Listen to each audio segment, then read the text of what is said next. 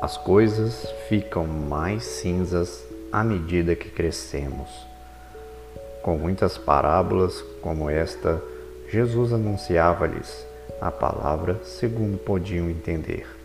Marcos, capítulo 4, versículo 33.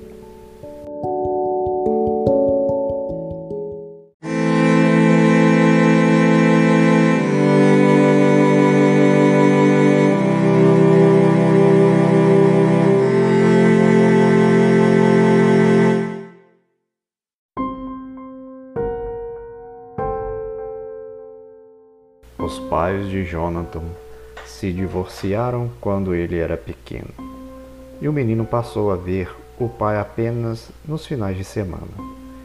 Ele se lembra de ficar sentado do lado de fora, na casa da mãe, esperando que o pai viesse buscá-lo.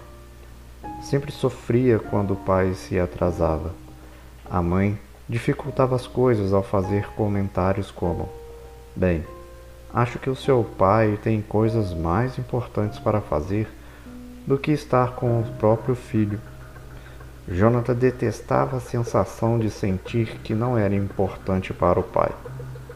Na sua mente de criança, a equação era muito simples. Se ele me amasse, estaria aqui na hora combinada.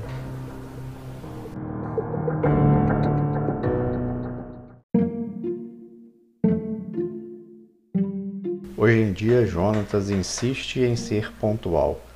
Ele faz o possível para não se atrasar e espera que as outras pessoas o respeitem da mesma maneira. Jonathan passou a acreditar que o atraso encerra um único significado na vida, de que a pessoa atrasada não tem consideração pela outra.